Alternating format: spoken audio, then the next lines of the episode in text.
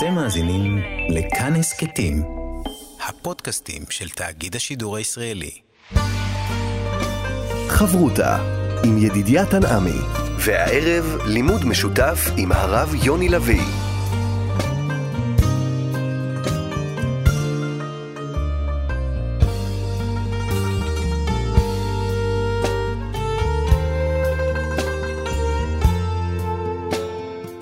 שלום כאן מורשת חברות הלימוד משותף עם רבנים ואנשי חינוך בנושא תנ"ך, הלכה ואמונה. היום אנחנו עובדים אמונה יחד עם הרב יוני לביא מראשי ארגון קהלים ורב במרכז ברקאי, כאן יד המיקרופון, ידידיה תנעמי, שלום לך הרב יוני לביא. שלום ידידיה, שלום לכם מאזינים יקרים. פרשת ויצא, הפרשה של הנישואים של יעקב עם רחל ולאה.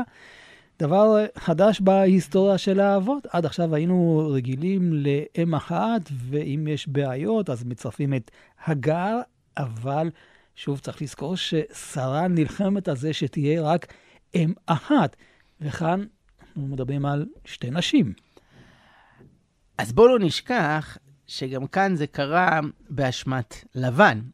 יעקב אהב את רחל, למענה הוא עבד שבע שנים. ופתאום מגלה ויהי בבוקר והנה היא לאה.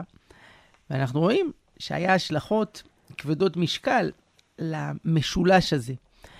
כי באמת, אהבה זה לא רק שבגימטריה זה יוצא אחד, כלומר, איש אחד ואישה אחת שמתחברים ביניהם. כשיש כאן צלע נוספת, זה מערער את כל האיזונים, ולכן התורה היא לא בעד הדבר הזה.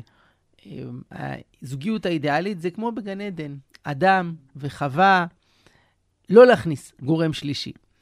ישאלו אנשים, נו, אז למה התורה מאפשרת? למה היא לא סוגרת לגמרי את החלון הזה?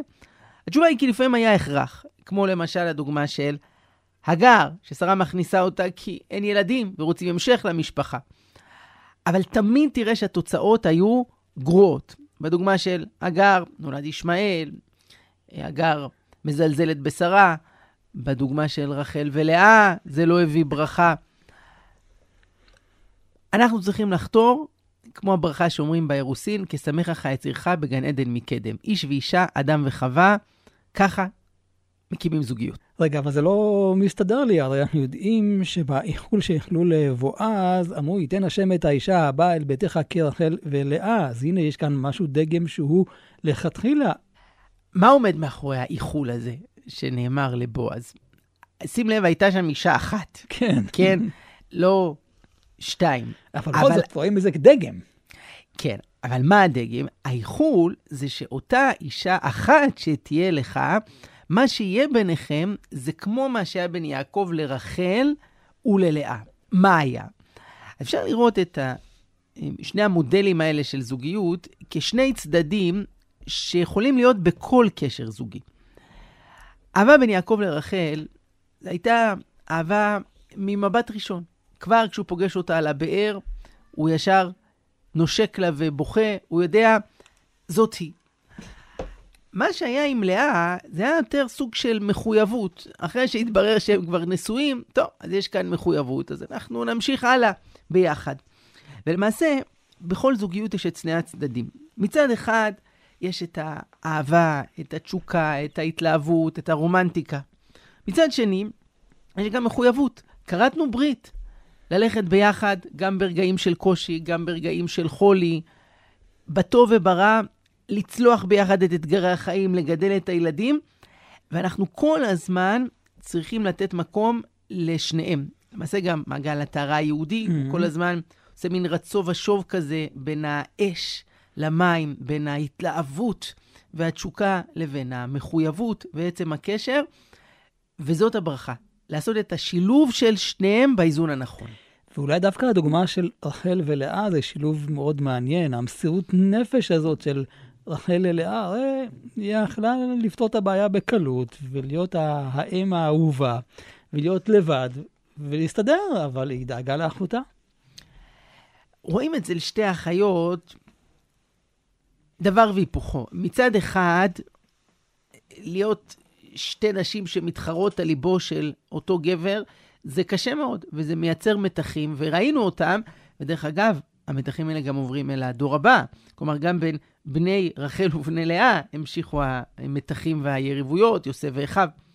מצד שני, אנחנו כן רואים את המסירות והוויתור שהיה להן זו כלפי זו. אז אתה נתת ידידיה דוגמה אחת של הסימנים שהיא מוסרת לה, ומגינה על כבודה בליל החופה. היה גם צד שני למטבע. חז"ל אומרים שכשלאה הייתה בהיריון בפעם השביעית, היה לה בן. רק היא עשתה חשבון, אם אני עכשיו אלד בן, אז לאחותי רחל יהיה רק ילד אחד.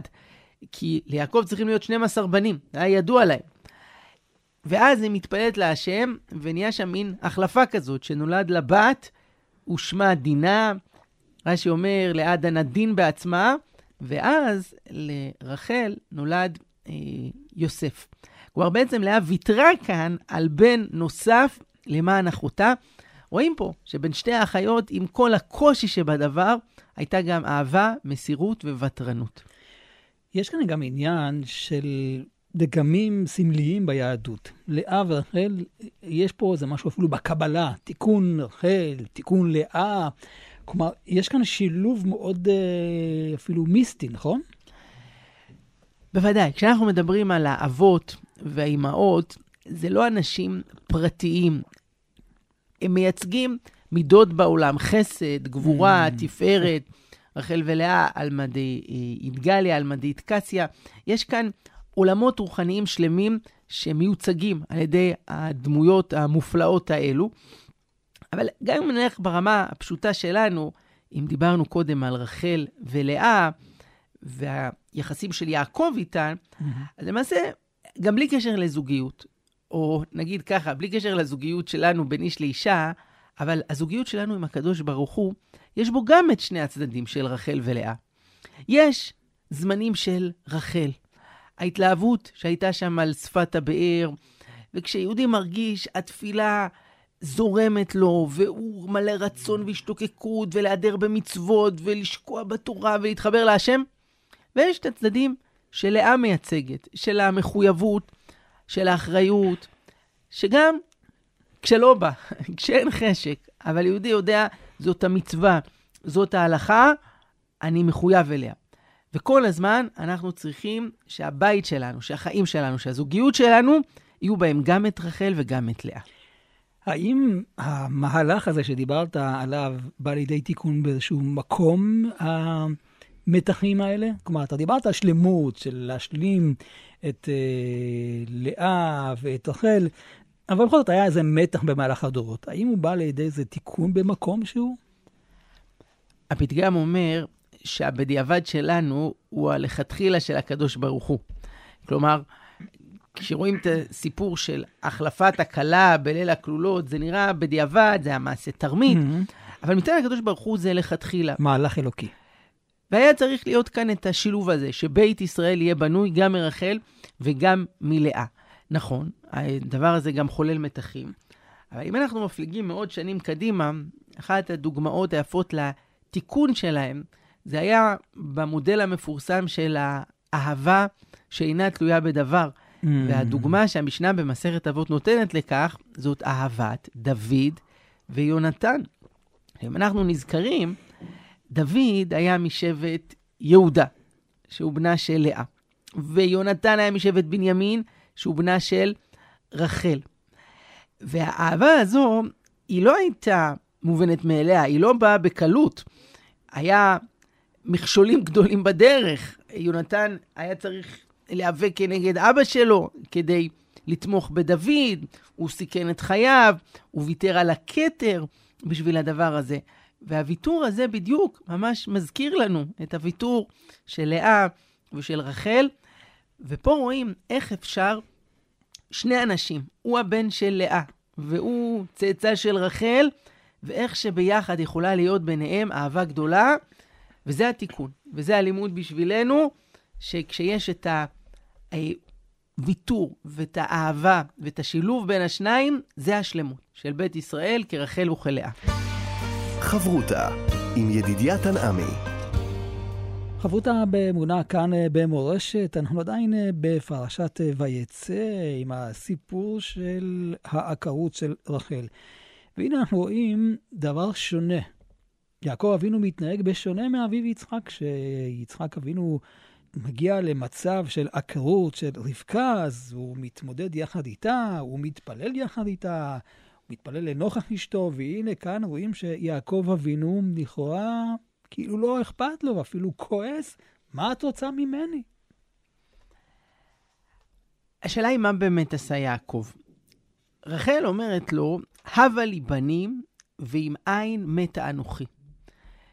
תביעה כואבת ונוקבת, אני חייבת ילדים. אם לא, חיי אינם חיים. יעקב כועס עליה. וייחר אף יעקב ברחל, התחת אלוהים אני. לכאורה רחל צודקת. מה היא מבקשת? תתפלל עליי, כמו שאבא שלך יתפלל על אמא שלך. אתה צדיק, זה יעזור. האם יעקב באמת לא התפלל עליה? או שאולי הוא התפלל, או שהוא היה מוכן להתפלל. אבל השאלה היא איזו מין תפילה. הרמב"ן אומר שהקפידה של יעקב על רחל היה על כך שהיא רצתה ממנו תפילה תקיפה. כאילו היא אומרת, הבה לי בנים, לך לקדוש ברוך הוא, ואל תחזור אליי בלי ילד. אתה תתפלל ואתה תתעקש, תעמוד על כך שאני אזכה לילד. צדיק גוזר והשם מקיים, זה העבודה שלך. ועל זה אומר לה יעקב, התחת אלוהים אני, אני יכול לבקש, אבל לא יכול לקבוע לקדוש ברוך הוא מה יהיה. Mm-hmm. תשמע, המשפט הזה, יודע שאתה ציטטת עכשיו, צדיק גוזר והקדוש ברוך הוא מקיים, אנחנו מרבים להשתמש בו יותר מאשר המקום הראוי לו. הוא לא מופיע אה, לא בגמרא, לא בתלמוד הבבלי, לא בירושלמי, לא במדרשים, הוא מופיע בספר הזוהר, לגבי רבי שמעון בר יוחאי, בדברים מסוימים.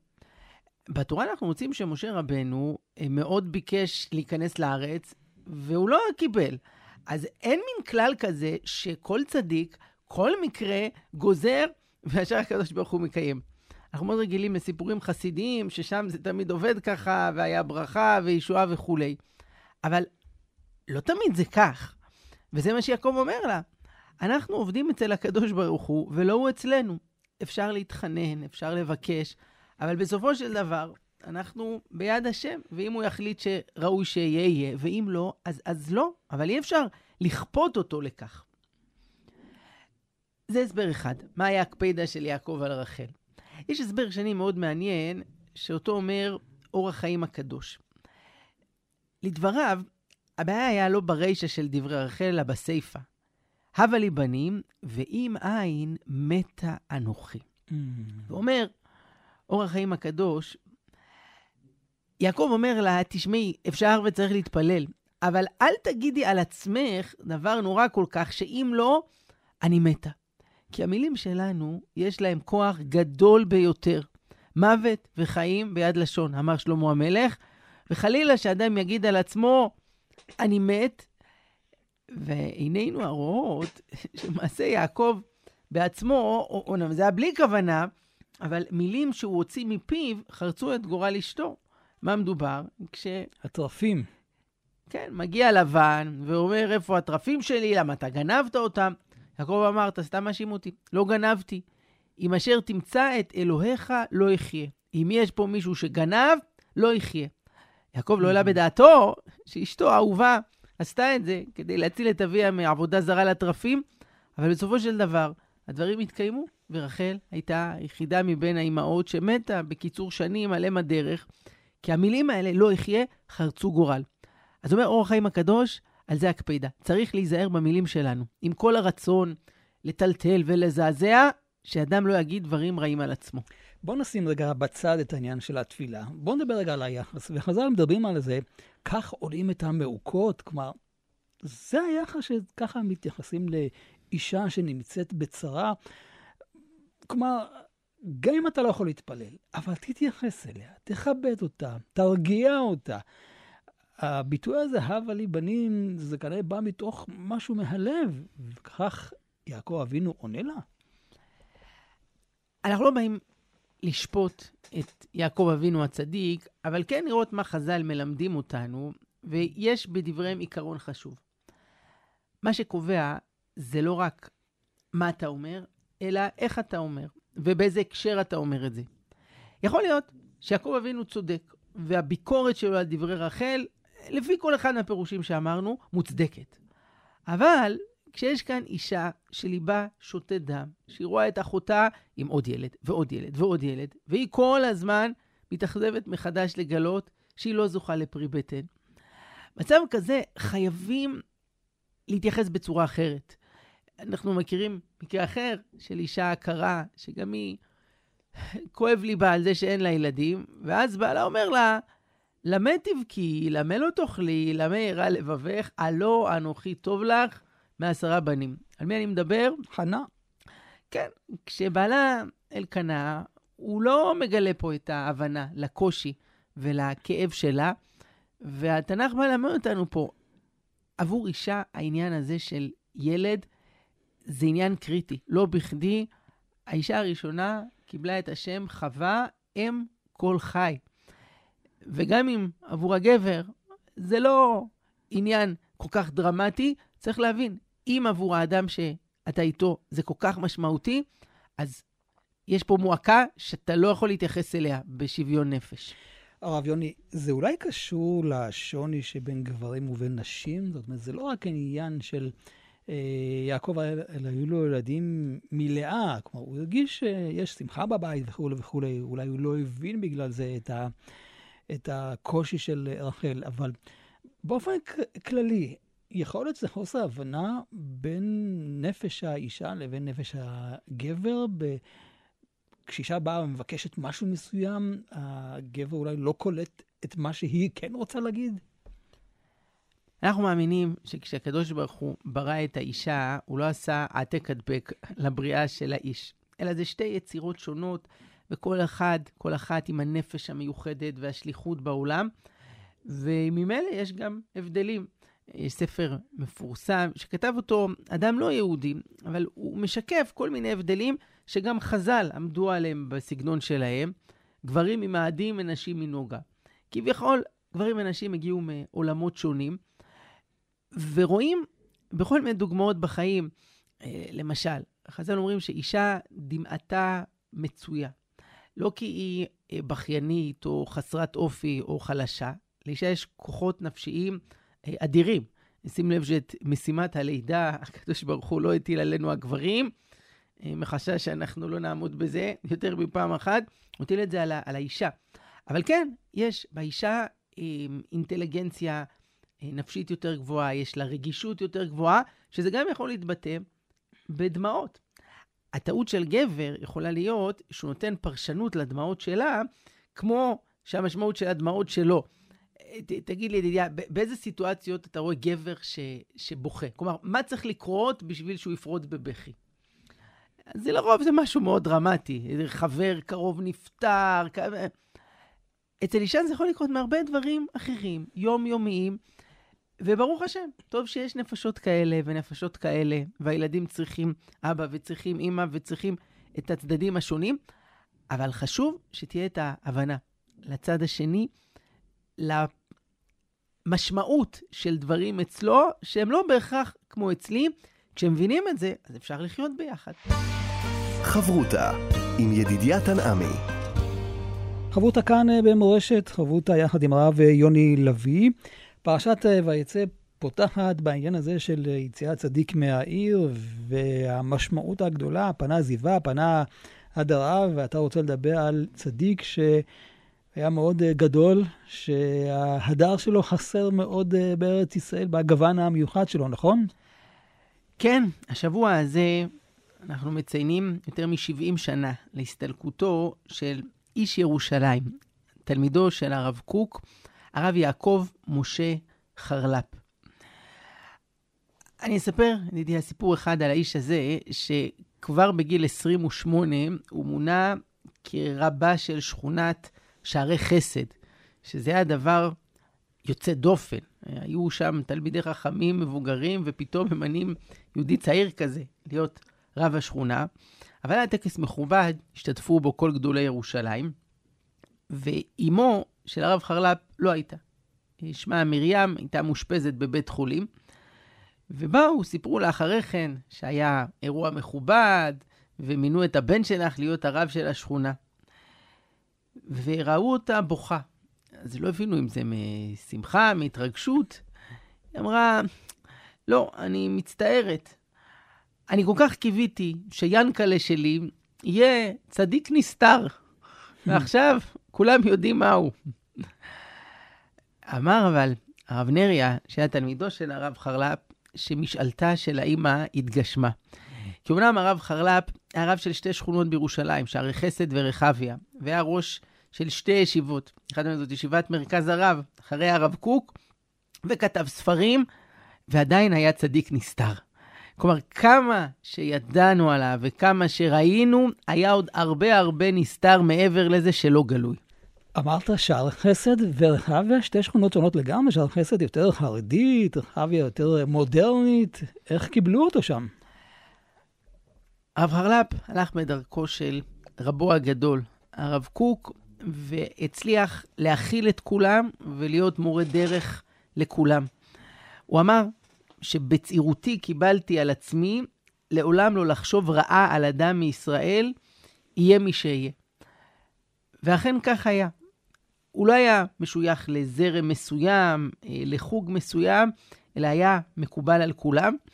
והיו לו גם הנהגות של חסידות מיוחדות במינן. התפילה שלו הייתה באריכות גדולה ובהתרגשות אה, עצומה. והוא היה מתפלל כל שם, כל אדם שביקש שיתפלל למען ישועתו. בקריאת שמע הוא היה ממש רועד מרוב התחושה של קבלת עול מלכות שמיים. בחג הסוכות הוא לא היה יוצא מהסוכה. כלומר, 24 שעות, שבעה ימים בשבוע, היה שם עושה את התפילות, וכל גדולי ירושלים אה, היו באים אליו.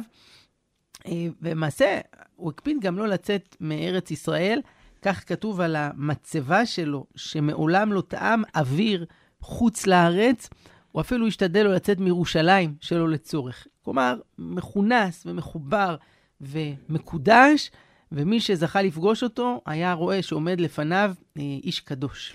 מעניין איך הוא התייחס לארץ ישראל בכתבים, אולי נלמד משהו? או, אז זה בדיוק מתחבר לפרשת השבוע שלנו, שם מסופר על רגע שיעקב עומד לעזוב את ארץ ישראל בדרך למסע לחרן, למצוא שם את זיווגו. והתורה אומרת, ויפגע במקום. והרב חרל"פ עומד על כך שהתורה חוזרת כמה וכמה וכמה פעמים על המילה המקום. יש מושג בלימוד תנ"ך של מילה מנחה, שאנחנו רואים שהיא מין ציר שסביבו כל הנושא מסתובב, וגם פה, ויפגע במקום, ויקח מאבני המקום, וישכב במקום ההוא. אכן יש השם במקום הזה, מה נורא המקום הזה, ויקרא שם המקום ההוא. יש כאן משהו שקשור למקום. הרב חרל"פ מסביר שכל דבר מתברך כשהוא נמצא במקום הנכון שלו. הקושי הגדול של הגלות זה שהאדם מרגיש שאני לא נמצא איפה שאני צריך להיות, איפה שאני ראוי להיות. וכשיעקב אבינו נמצא במקום הנכון, אז הוא ממריא לשמיים. הוא רואה סולם שמחבר אותו לשמיים, ומלאכים עולים ויורדים. כשאנחנו מקלסים את הקדוש ברוך הוא, אנחנו אומרים, ברוך כבוד השם ממקומו. הוא מופיע מתוך המקום שלו, וממילא עם ישראל צריך למצוא את המקום הנכון שלו, והמקום הזה הוא לא אחר מאשר ארץ ישראל. הרב חרל"פ היה אומר, זה שאנחנו רואים שבדור שלנו יש כזאת מלחמה על ארץ ישראל, ושהאויבים שלנו מנסים לעשות הכל כדי לנתק אותנו ממנה, זה סימן שעל זה אנחנו צריכים להילחם, שזאת הנקודה הקריטית, mm-hmm. שבזה תלוי התיקון הגדול, שעם ישראל יהיה במקום הנכון. דיברת על uh, הדמות הזאת כדמות נסתרת. זה מזכיר את יעקב אבינו, שהיה מצד אחד איש טעם יושב אוהלים, אבל היה גם מחובר לכל העניינים של ארץ ישראל. עד כמה הוא היה מחובר לחיים בארץ, נגיד לסולם הזה שמצד אחד ראשו בשמיים, אבל הוא מוצב בארץ. הרב חרל"פ חי בדור של מעבר בין הגלות לארץ ישראל. עם ישראל, ברוך השם, מתעורר, מתנתק מארץ נכר וחוזר ושב לארץ, אבל השיבה הזאת כרוכה באתגרים גדולים של מאבק עם האויב, של בניית הארץ, של חיפוש הזהות שלנו. רב ציודה קוק היה מספר על אירוע שקרה באותו לילה, שבו הייתה ההכרזה על אה, כך שהוחלט על ידי האומות המאוחדות לתת מדינה לעם ישראל, סוף סוף אחרי כל השנים. והיה ריקודים ברחובות, אנשים שמחים, סוף סוף, לזה חיכינו. והוא אמר, הרב חרל"פ הגיע אליי.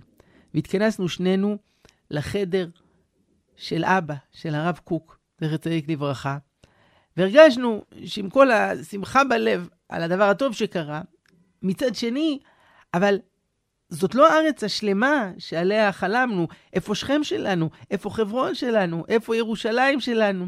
איפה כל החלקים של המקום השלם של ארץ ישראל, שהם לא בידינו? בסופו של דבר, אמרנו שנינו, מאת השם הייתה זאת, היא נפלאת בעינינו. כלומר, כנראה רצון השם, שזה יהיה בשלבים, כרגע יהיה חלק אחד, ונמשיך לייחל ולצפות שנזכה למקום השלם של ארץ ישראל. חברותה עם ידידיה תנעמי. חברותה כאן אה, במורשת, לקראת חתימת התוכנית, אנחנו רוצים אה, עוד איזה רעיון אה, השראה. הרב יוני לביא, בבקשה. השבוע הזה, לפני שבע שנים, הלכה לעולמה אישה מיוחדת במינה. שמה חני ויינרוט, שבמשך שנים התמודדה עם מחלת הסרטן, אבל היא שיתפה במה שעובר עליה באותם ימים קשים, והיו רבים מאוד, נשים וגברים, שעקבו אחרי התמודדות של אישה מאמינה, רעיה, אימא לשלושה ילדים, שנלחמת בכל הכוח במחלה הקשה, ותוך כדי זה ממשיכה לחיות. סיימתי לאחרונה לקרוא ספר שכתב אה, בעלה, דובי ויינרוט, שם הספר מחר השמש תזרח. נשתף בדבר אחד שהוא מספר שמה, שהגיע בשבעה לנחם חברה של חני. והיא סיפרה דבר שחני שיתפה אותה בפרטיות. היא אמרה, בפסח האחרון הגיעה בשורה לא טובה, שהמצב מידרדר ושעון החול הולך ואוזל. וחני אמרה, ישבתי בשולחן אל הסדר עם כל המשפחה והילדים, ההגדה פתוחה מולי, אבל הרגשתי לא שייכת לחגיגה. אני רוצה לשמוח, אבל אני לא יכולה. אני כל הזמן חושבת על מה עומד לקרות לי. ואז תפסתי את עצמי, וניהלתי איזה דיון בתוך הראש. חני, למה את עצובה? כי אני רוצה להיות גם בפסח הבא. אבל למה את רוצה להיות בפסח הבא? למה? כי זה חג מקסים, משפחתי, שמח. נו, אבל הנה, גם עכשיו פסח, ועכשיו חג מקסים, משפחתי ושמח. אז יש לך את מה שאת רוצה, אז למה את לא שמחה? והיא אמרה, יצאתי באותו רגע לחירות והצטרפתי לשמחה. היא כתבה בהמשך מעין שיר כזה, שמתאר את התופעה שאדם כל הזמן חושב על העתיד, חושב על מצבים אחרים, חושב על אנשים אחרים, וזה מונע ממנו לשמוח במה שקורה עכשיו, בכל הטוב שיש לו, ויש לו כל כך הרבה. לקטע שהיא כתבה קוראים היינו פה. רצנו וחשבנו שחייבים לנוח, ואז נחנו וחשבנו שחייבים לרוץ. אכלנו וחשבנו שחייבים להרגיע. ואז שמרנו והיו לנו הזיות על אוכל. יצאנו להמולה ורצינו שקט. ואז ישבנו בבית ורצינו חברה. רצינו זוגיות ואז חלמנו על חופש. התפללנו לפרי בטן ואז חלמנו על שינה רצופה. ספרנו את השנים שהם יגדלו כבר, ואז ביקשנו שהם יתרפקו כמו פעם כשהיו קטנים. בקיץ רצינו חורף. בחורף רצינו קיץ. חלומות על הגשמה וקריירה, ואז לגדל מלפפונים מאחורי הבית בגינה. ואז נגמר לנו הזמן לרצות מה שאין, והלכנו למקום אחר. זה השיר, שכותרתו היינו פה. כלומר, כל הזמן רצנו ורצנו ורצנו, וכל הזמן רצינו משהו אחר ממה שיש לנו עכשיו, וכשהגענו למשהו אחר, אז כבר רצינו את מה שהיה לנו קודם, ואיבדנו את האפשרות לשמוח ולראות את הטוב במה שיש לנו עכשיו. למה יש את התנועת נפש הזאת? היא כנראה משהו חיובי, רק צריך להבין אותה. תמיד לשאוף קדימה. יש לזה שורש בטוב, וזה שאדם לא יקפא על שמריו. המשפט הראשון שאמר אלוקים ליהודי הראשון היה, לך לך, אל תישאר באזור הנוחות. נוע קדימה, שנה את העולם, שנה את עצמך. אבל אנחנו כל הזמן צריכים לזכור שיש פה גם צד שני, והוא שיש לא רק עתיד, אלא גם הווה. ובהווה יש הרבה טוב. מי שכל הזמן יפזול או להמשך, או ימינה ושמאלה, שזה עוד סוג של אה, פזילה של אנשים, למה שיש לאנשים אחרים, ואין להם, זה ימנע מהם לראות את הטוב שיש עכשיו. אותה רווקה שסיפרה את הסיפור הזה, חברה של חני אמרה שהיא באה אליה פעם לבכות על מצבה. היא אמרה, אני לא מצליחה לשמוח במצב שלי. אני כל כך רוצה להתחתן, וכשאני עם האחיינים שלי, אז אני לא יכולה לשמוח איתם, כי אני רוצה שיהיה לי כבר בית משלי, וכשאני עם חברות אני לא יכולה לשמוח איתם, כי אני רוצה שבעל משלי. וכל הזמן אני מרגישה שאני רווקה בוגרת, וזה מונע ממני לשמוח במה שיש לי. אז חני אמרה לה, ובכלל זה משפט קצת קשה, אבל כנראה בין חברות זה היה מתאים. היא אמרה לה, את לא רווקה בוגרת, את רווקה ילדותית. תשמעי מה את מספרת. יש לך אחיינים, יש לך חברות, יש לך עבודה, יש לך משפחה. למה את לא מצליחה לשמוח בהם? בעזרת השם, הקדוש ברוך הוא יסייע, ובזמן המתאים תזכי גם למה שאת עוד מייחלת. אבל רגע, מה עם כל מה שפה עכשיו? מה זה שום דבר? דובי ויינוד בעלה סיפר שהיא שלחה פעם לאח שלה, הגדול אלי, תמונה של פרח יפהפה, מרהיב. והוא אמר לה, וואו, מדהים, איפה צילמת את זה? אז היא אמרה לו, בגינה שלך.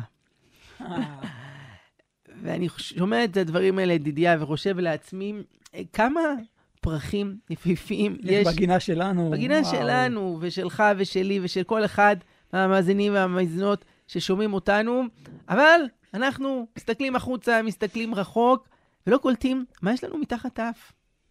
אתה יודע, דיברנו בתוכנית על רחל, והזכרנו את חנה. זה כל כך מתחבר לי לדמות של חני ויינרוט. מישהי שהיא יודעת שיש לה כאב, יש לה קושי, והיא לא נשברת. היא מסתכלת תמיד על הצד החיובי. זאת בחירה לא פשוטה, בעיקר במצב כמו של חני ויינרוט, כשאדם מגלה שהשעון כבר התחיל בספירה לאחור, והוא עומד לעזוב את העולם בגיל צעיר. ויש שתי אפשרויות לפניו. אפשרות אחת זה לקונן על מר גורלו, ולחשוב מה יהיה עם הילדים שלי, ומה יהיה עם בעלי, ומה יהיה כל הדברים שאני לא אספיק לעשות, כל החלומות שאני לעולם לא אגשים. ואפשרות שנייה זה להחליט שכל עוד אני חי, אני אחיה עד הסוף. וכל עוד נשמט רוח חיים באפי, אני אחיה במקסימום שאני יכולה. וזה מה שהיא הייתה, והיא שימשה בזה גם השראה להרבה נשים אחרות. היא הייתה באיזה קבוצה של נשים שמתמודדות עם המחלה, וזו קבוצה שלא פשוט להיות בה, כי כל פעם הייתה חברה שעוזבת, והיא אמרה, וזה כבר חברה ה-35 וה-49 וכולי. ולמרות שהרופאים הקציבו לחני בהתחלה בין חצי שנה לשנתיים, זאת הייתה הערכה. אני חושב שהיא התמודדה במשך שמונה או תשע שנים, היה בה רצון חיים מאוד מאוד חזק, והיא נתנה שיעור לכולם. אף אחד מאיתנו הרי לא יודע כמה זמן אנחנו נהיה פה. זה לא בידינו. כן בידינו מה יהיה בזמן הזה, איך אנחנו נחיה, מה נעשה, וזאת המשימה. כל עוד אנחנו כאן, לחיות בצורה הטובה ביותר, חיים מלאים. הרב יוני לביא, מראשי ארגון קהלים, רב במרכז ברקאי, תודה רבה לך.